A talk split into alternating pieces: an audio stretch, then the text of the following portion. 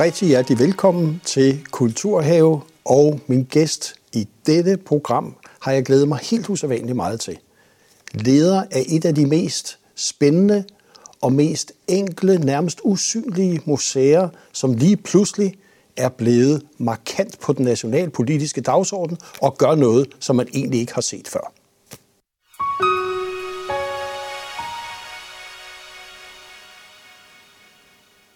Og hjertelig velkommen til dig, Sara Smed, leder af Danmarks Forsorgsmuseum. Tak. Du må lige fortælle os lidt om, hvad er Danmarks Forsorgsmuseum? Ja, altså det er et museum, der både ligger et særligt sted og arbejder på en særlig måde. Øh, museet ligger i det, der er Nordens øh, eneste fredet fattigård, et sted, der blev bygget i 1872 nede i Svendborg, og som lukkede i 1974. Og øh, der overtog museet øh, bygningerne, altså der overtog Svendborg Museum bygningerne, og øh, siden da har vi øh, fokuseret på at udvikle en særlig måde at arbejde på, øh, kan vi sige, på forsorgens historie øh, øh ud fra den her ramme, hvor vi faktisk arbejder både med børnehjemsforsorgens historie, lige til socialforsorgens historie og til alderdomsforsorgens historie. Så i bund og grund, øh, de borgere, som på et tidspunkt drager nytte af velfærdsstatens institutioner af forskellige årsager, det er deres historie, vi varetager. Og det er, jo, det er jo faktisk et meget vigtigt kapitel af hele vores allesammens historie, Danmarks det, historie. Det er nemlig vores allesammens historie. Jeg plejer at sige, at hvis man kommer til museet og tror, at det kun af historien om de andre, som det gik rigtig skævt for, eller som har brug for meget hjælp, så tager man grueligt fejl, fordi der skal ikke graves særlig meget i nogen slægter, før der er en, øh, plejer at sige, der kan være noget øh, arbejdsløshed, der kan være psykisk sygdom, der kan være øh, en, en ensom alderdom, og så kan der være det her som måske en uplanlagt øh, barnefødsel på et tidspunkt. Øh, men rigtig mange af de her historier er jo tabubelagte, og det er noget af det, vi også arbejder med på museet, det er egentlig at trække tæppet væk og sige, okay, der er jo faktisk noget, som vi skal beskæftige os med, også i, kan vi sige, i museums kontekst. Og man kan sige, det er jo, det er jo lidt tabubelagt, ja. når vi snakker fattigård og mm børn, der bliver anbragt osv. Mm. Er, er vi danskere særlig gode til det? Altså jeg vil sige, vi, vi, vi historisk set har vi jo været vanvittigt gode til at anbringe folk. Øh, jeg vil sige, vi er ikke vanvittigt gode til også at tale om det. Og, øh, og det er noget, vi både kan se historisk. Altså der er jo rigtig, der går ikke en uge øh, på museet, uden at vi bliver kontaktet 1, 2, 3, nogle gange 4, 5 gange af nogen, der selv har været anbragt og siger, at det er faktisk første gang, jeg nogensinde siger, jeg har været på børnehjem, fordi det har været sådan et, et stigma, der har, har forfulgt. Og så er der nogen, der siger, øh, rigtig mange af mine minder var, kan vi sige, mørke, og jeg har ikke lyst til at tale om det. Det kan også være tabubelagt. Men mange siger også, at jeg havde faktisk en god opvækst, men det er ikke velanset at sige det højt.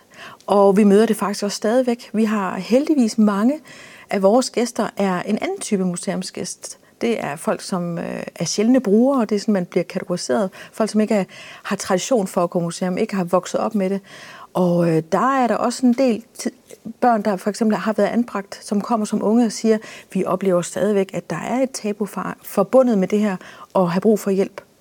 Jeg synes lige, at vi skal have et lille klip af jeres præsentation mm. af jer selv, mm. og det kommer her.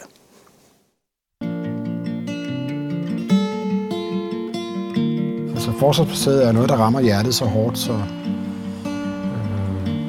jeg husker, at første gang øh, jeg så det, der... Ja, jeg troede ikke selv, det ville røre mig ret meget.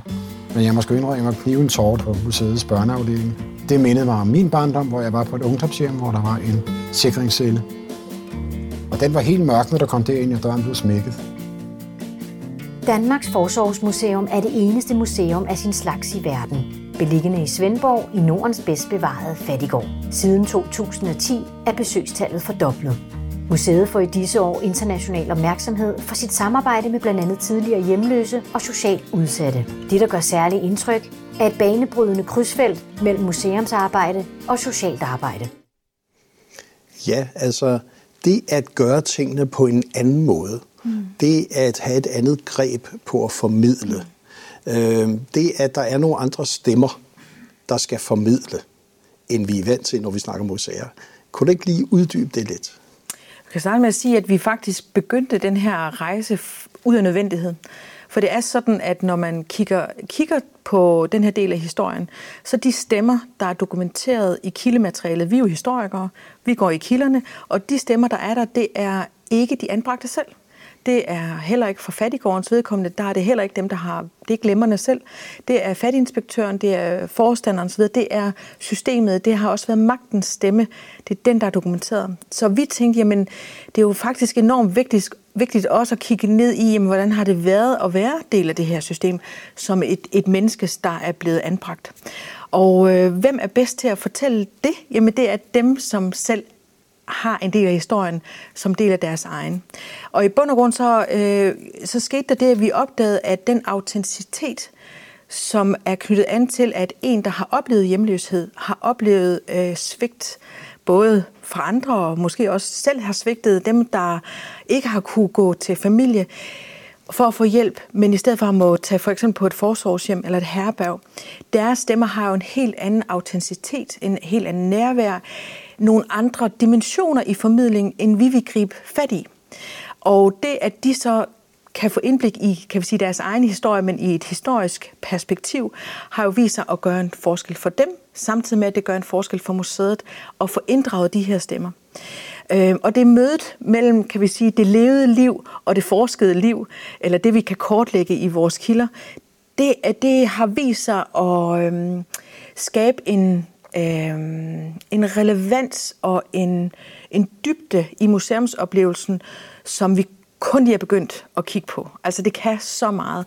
Og det, øh, vores gæster siger, det er, jamen det er, de bruger ord som tankevækkende. De er meget fascineret af, at det er ægte mennesker, der står og fortæller den, den virkelige historie. Det vil sige, at vi gør ikke særlig ofte brug af meget øh, ekstraordinære formidlingsgreb. Det kan være digitale eller øh, kan vi sige, andre vinkler ind i museumsformidlingen, men det er det talte ord fra en alternativ ekspert, som bærer historien frem, og som gør den relevant, og som gør, at vores besøgende stiller andre spørgsmål, end de for eksempel vil stille til os som museumsfagpersoner. Og det betyder ikke, at der ikke skal være en museumsfaglighed, fordi vi er hele tiden fokuseret på, at det her, det er et museum, vi arbejder med de her søjler, som er indsamling, registrering, bevaring øh, og formidling. Men, men vi er meget optaget af at eksperimentere med, jamen det er jo ikke kun os, der er bærere af historien. Der er jo nogen, som i høj grad øh, bærer den i kød, kød og blod. Og det, det skaber en, en helt anden autentisk museumsoplevelse, som øh, taler både til hjerne og hjerte og bringer noget videre med den besøgende øh, ud i verden, og som måske kan føre til, at man ser på dem, som lever i kanten af samfundet på en helt anden måde. Og derfor er det også, som vi siger i den her film, vi arbejder i krydsfelt mellem traditionelt museumsarbejde og socialt arbejde. Men vi arbejder øh, hele tiden ud fra øh, det sådan nærmest dogmatiske princip, at det her skal være respektfuldt, og det skal være værdigt. Og når vi samarbejder med de her borgere som alternative eksperter, så er det som eksperter. Det er ikke som, kan vi sige, ofre. Vi vil gerne vise de ressourcer, de faktisk også sidder inde med, fordi det er jo det, vi opdager igen og igen. Samarbejder man, åbner man det her op, så viser det sig jo igen og igen, hvor mange vidunderlige former for idéer, indsigter, erfaringer, som ligger derude, hvis vi bare tør lytte. Og jeg tænkte, disse, disse alternative mm. stemmer, altså der må have været et tidspunkt, hvor I ligesom ja. sagde, det greb, mm. det er det, vi skal formidle mm. et meget stort stykke vigtig Danmarks historie, mm. og måske også komme med nogle nye måder at formidle museum og vores sociale historie på. Uh, kunne du sige noget om, var der en speciel udstilling, eller skete der et eller andet, hvor, mm. hvor det ligesom manifesterede sig?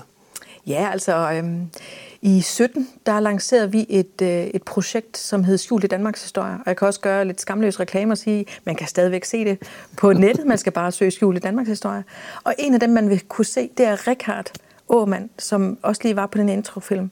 Han var en af dem, vi samarbejdede med for første gang, hvor, vi, hvor vi egentlig tænkte øh, i forbindelse med et stort øh, fokus i 2017 på at kigge på Danmarks historie på forskellige måder.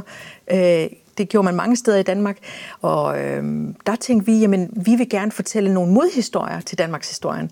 Og modhistorier er jo i høj grad også dem, som er de ufortalte, og måske også dem, som er mere komplekse.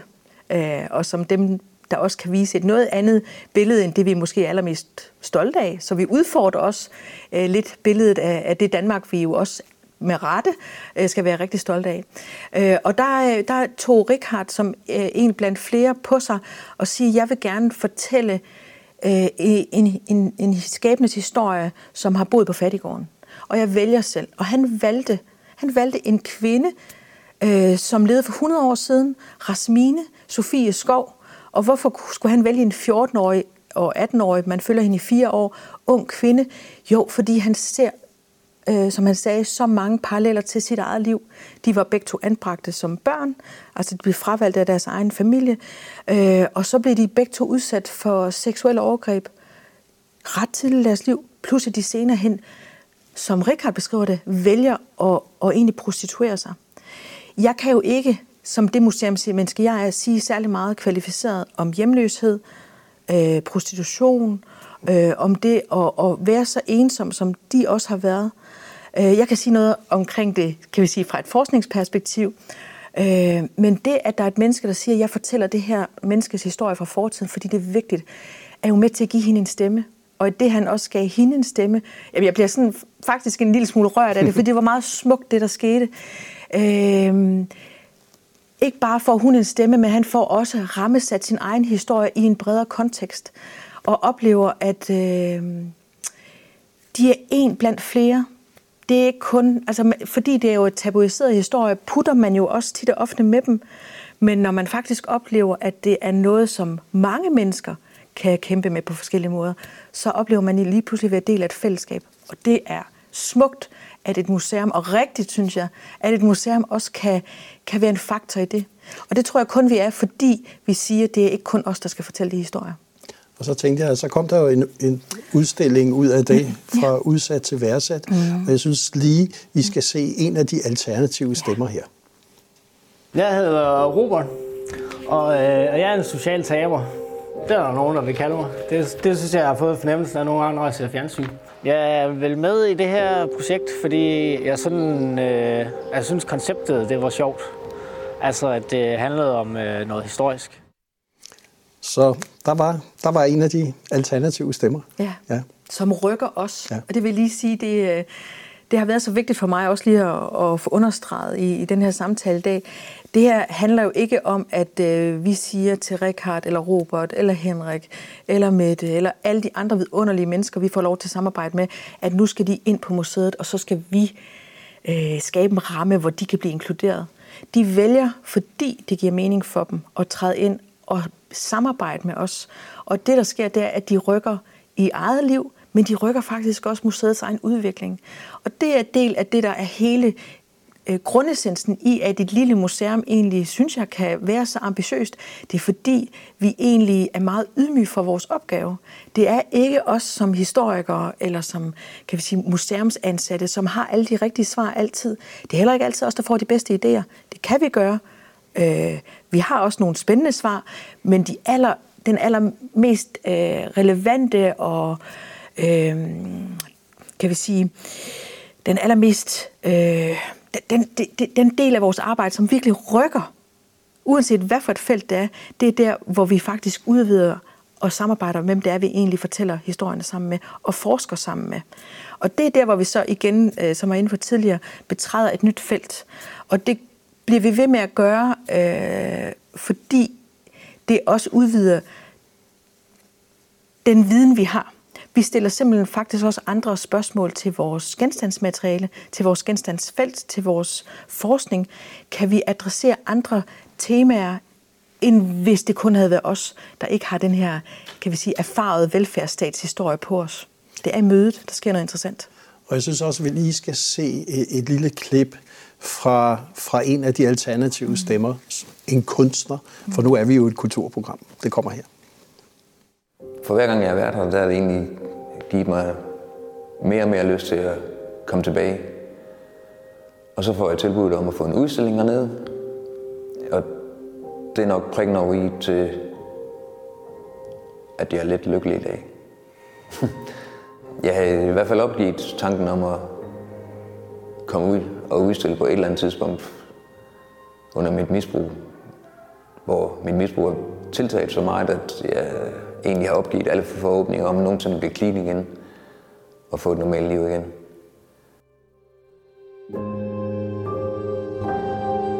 At fortælle historien er en meget helende proces. Det kan være grænseoverskridende at fortælle den, men det bliver også nemmere og nemmere for hver gang. Det fjerner faktisk alt, hvad det her stoftrang, efter x antal gange at fortælle hende historie, hvad det handler om.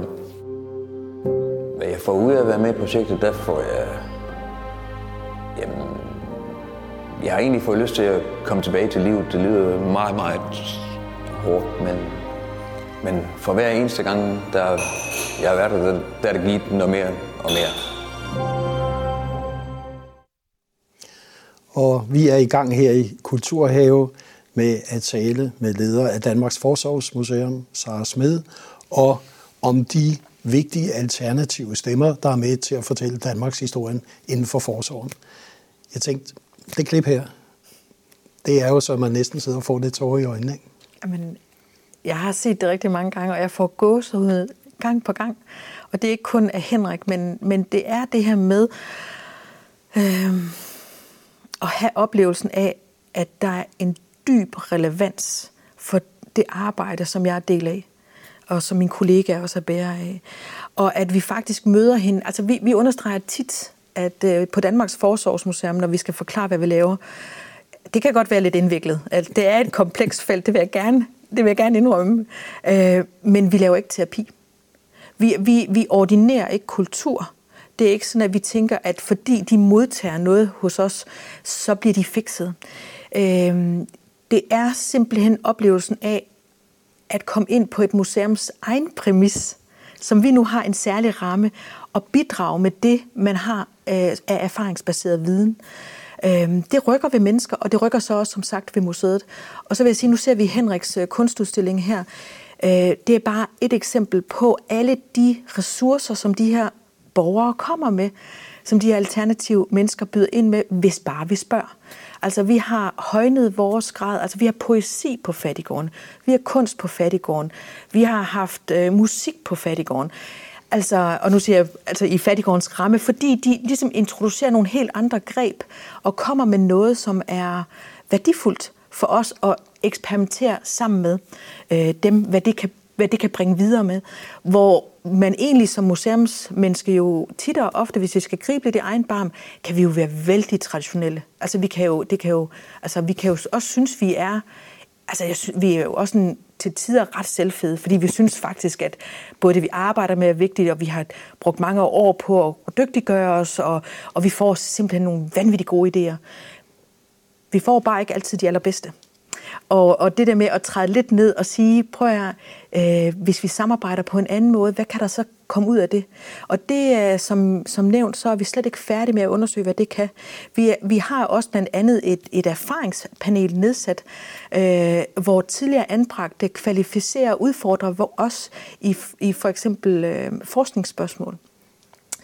Øh, og hvad kan det? Jamen det kan, det kan både sikre os, at vi sådan Øh, og det synes jeg er meget vigtigt, for det er også til tider meget sårbare borgere, vi samarbejder med. Vi skal også passe på, at vi ikke retraumatiserer eller udnytter. Mm, men ved hele tiden at have den her åbne dialog og sige, i kraft af jeres erfaringer, har I så andre idéer til, hvilken vej vi kunne gå, øh, eller bør vi overhovedet gå i den retning?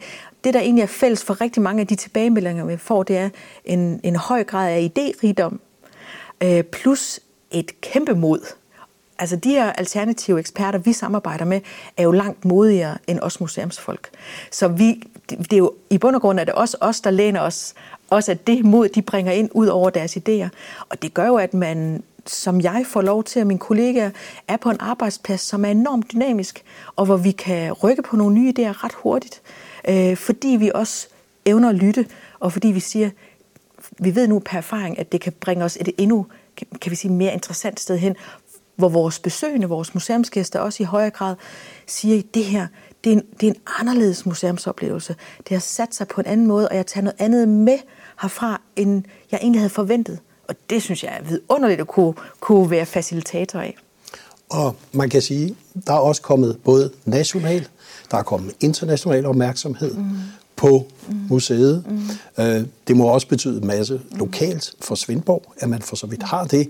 Men der var jo særlig en begivenhed derop til Folketingsvalget, der var afholdt sidste år, øh, som bragte et museum på en national dagsorden, som vi ikke har set i mange år. Øh, det må du lige fortælle. Hvad var det egentlig, der skete? Ja, hvad var det, der skete? Øh, det var kulminationen på, på mange års indsats, vil jeg sige. Altså, museet øh, lavede jo for år tilbage en rapport, øh, der hed Godhavnsrapporten, hvor vi forskede i, øh, i bund og grund de her mørke kapitler inden for for, børneforsorgens historie, og hvor der var specifikt øh, fokus på især Godhavns, øh, kan vi sige, drengenes egen historie, men der var også 18 andre børnehjem med. Og det vi fokuserede på, det var, når, når der var tidligere anbragte, der øh, fortalte, at de havde været udsat for nogle ting, eller at der ikke er blevet lyttet til dem, altså at de havde været udsat for det, der hedder svigt og vandrygt og mistrivsel, i en periode i deres liv, hvor de faktisk var under statens varetægt, og hvor tilsyn skulle sikre, at det ikke sker for de her sårbare børn. Jamen, det skete så alligevel. Det har vi påvist. Og, øh, og det har jo så ført til, at der er en stor gruppe af tidligere børnehjemsbørn, hvor en, kan vi sige, en særlig gruppe af godhavnsdrengene har kæmpet og kæmpet og kæmpet for den anerkendelse, der ligger i, at et, et, øh, et overhoved for en stat, en politisk overhoved for en, for en stat går ud og siger, jeg, vi, jeg undskylder på, på, kan vi sige, statens vegne. Og, og det skete jo. Og det skete, og det har ikke været nem fødsel med den her øh, undskyldning, det vil jeg også lige understrege. Men det skete, og, og, og der blev vi jo øh, inviteret med til også at holde en, kan vi sige, en del af, af kan vi sige, en tale til den her ceremoni. Øh, og det, øh, det fik jeg så lov til, og jeg vil aldrig glemme det. Altså, jeg, vil, jeg er blevet citeret for, at jeg vil tage det med mig i graven, og det vil jeg. Øh, jeg havde ingen fornemmelse af, da jeg stod på talerstolen, hvor stort det i, for, i, i virkeligheden var. Jeg vidste det godt for de her mennesker. Det vidste jeg, fordi jeg har set, hvad det betyder for et tidligere børnehjemsbarn, som har sagt igen og igen, at jeg blev udsat for så og så meget, og aldrig blevet troet på, og har følt sig forkert, og har øh, øh, vandret igennem livet med kæmpe ar. Se den forløsning. Jeg får gåsehud igen, når jeg siger det. Se det, den forløsning, der skete, da den byrde blev taget væk. For det er jo det, der sker, når man undskylder, så fjernes en del af det, der har været en skyld, man uretmæssigt har borget på. Og jeg bliver nødt til lige at høre, det er en statsminister, det vil sige statsminister Mette Frederiksen, mm. går ud og mhm. undskylder. Mm. Det er ikke bare, nu kan vi sige, noget, hvor vi siger, nå, så er der en undskyld. Det betyder virkelig noget for de mennesker, ja. at overhovedet for, for et land går ud og undskylder. Ja, ja. Og, øhm, og det betyder, Altså som Paul Erik Rasmussen, som man formand for Godhavnsdrengene, øh, sagde i nogle interviews efterfølgende, det var ligesom, at en betonklods er blevet lettet fra de skuldre. Øh, Arne Rol, som også er i Godhavnsdrengene, kunne, altså, jeg, jeg kan fortælle dig, at det var et spørgsmål om minutter, så kunne man se, at der var, der var simpelthen noget, der var lettet. Så er der også andre, der vil sige, øh, at det er mere komplekst, og der skal mere til. Øh, og en undskyldning er jo bare et ord. Øh, og det er også en vigtig debat at tage. Men jeg vil sige, da jeg stod der, var jeg, altså det var som et, en, en, en tryk, et tryk blev lettet inde, inde på Marienborg øh, den dag. Det var, det var helt særligt. Og så det, det, jeg så ikke har været helt klar over meget har fyldt, det er jo, hvad det har betydet for, kan vi sige, den bredere offentlighed, at det her i den grad er blevet sat på dagsordenen. Øhm, jeg synes, jeg kan fornemme, at vi er i gang med Altså, nogen har, har formuleret det som, at der bliver åbnet døre ind til nogle mørke kapitler. Jeg synes, der er flere og flere døre, der bliver åbnet, og de bliver åbnet i en periode nu her, hvor vi siger, at vi bliver også nødt til at kigge på det, som vi gjorde galt. Der, hvor vi ikke var vores opgave voksen. Der, hvor vi gjorde noget af, kan vi sige, som måske var lovligt, men var det af de rigtige årsager og alt det her. Vi begynder som samfund at forholde os til, til noget, som vi ellers ikke har gjort før, og det er ikke noget, som jeg synes, vi som danskere ellers har gjort særlig meget. Hvor hvis man kigger ud i verden, så ved vi jo, at de andre nordiske lande, England, Australien, Kanada især også, har beskæftiget sig meget med mørke kapitler i historien. Det vi begyndt på nu her, det synes jeg er timeligt. Og hvis vi lige kigger lidt fremad, mm. der er ikke en særlig, skal vi sige, solid økonomisk konstruktion under Danmarks Forsorgsmuseum. For så vidt, I fylder meget mere, end der egentlig er fundament til. Ja. Hvordan, hvad, hvad, hvad ser du af udfordringer, eller hvad har du af ønsker for dit museum fremover? Altså, jeg, jeg, vi, vi er bund og grund, det, den der anekdote med humlebien, der simpelthen ikke burde kunne flyve, øh, jamen det er vi. Øh, vi har også påtaget os ansvar, som egentlig, kan vi sige, øh, ikke er at skide, men, men man skal jo ikke lad være med at gøre noget, fordi der er nogen, der ikke har sagt, at det øh, er ikke jeres opgave nu, når man kan se, at det er vigtigt. Og det her er vigtigt.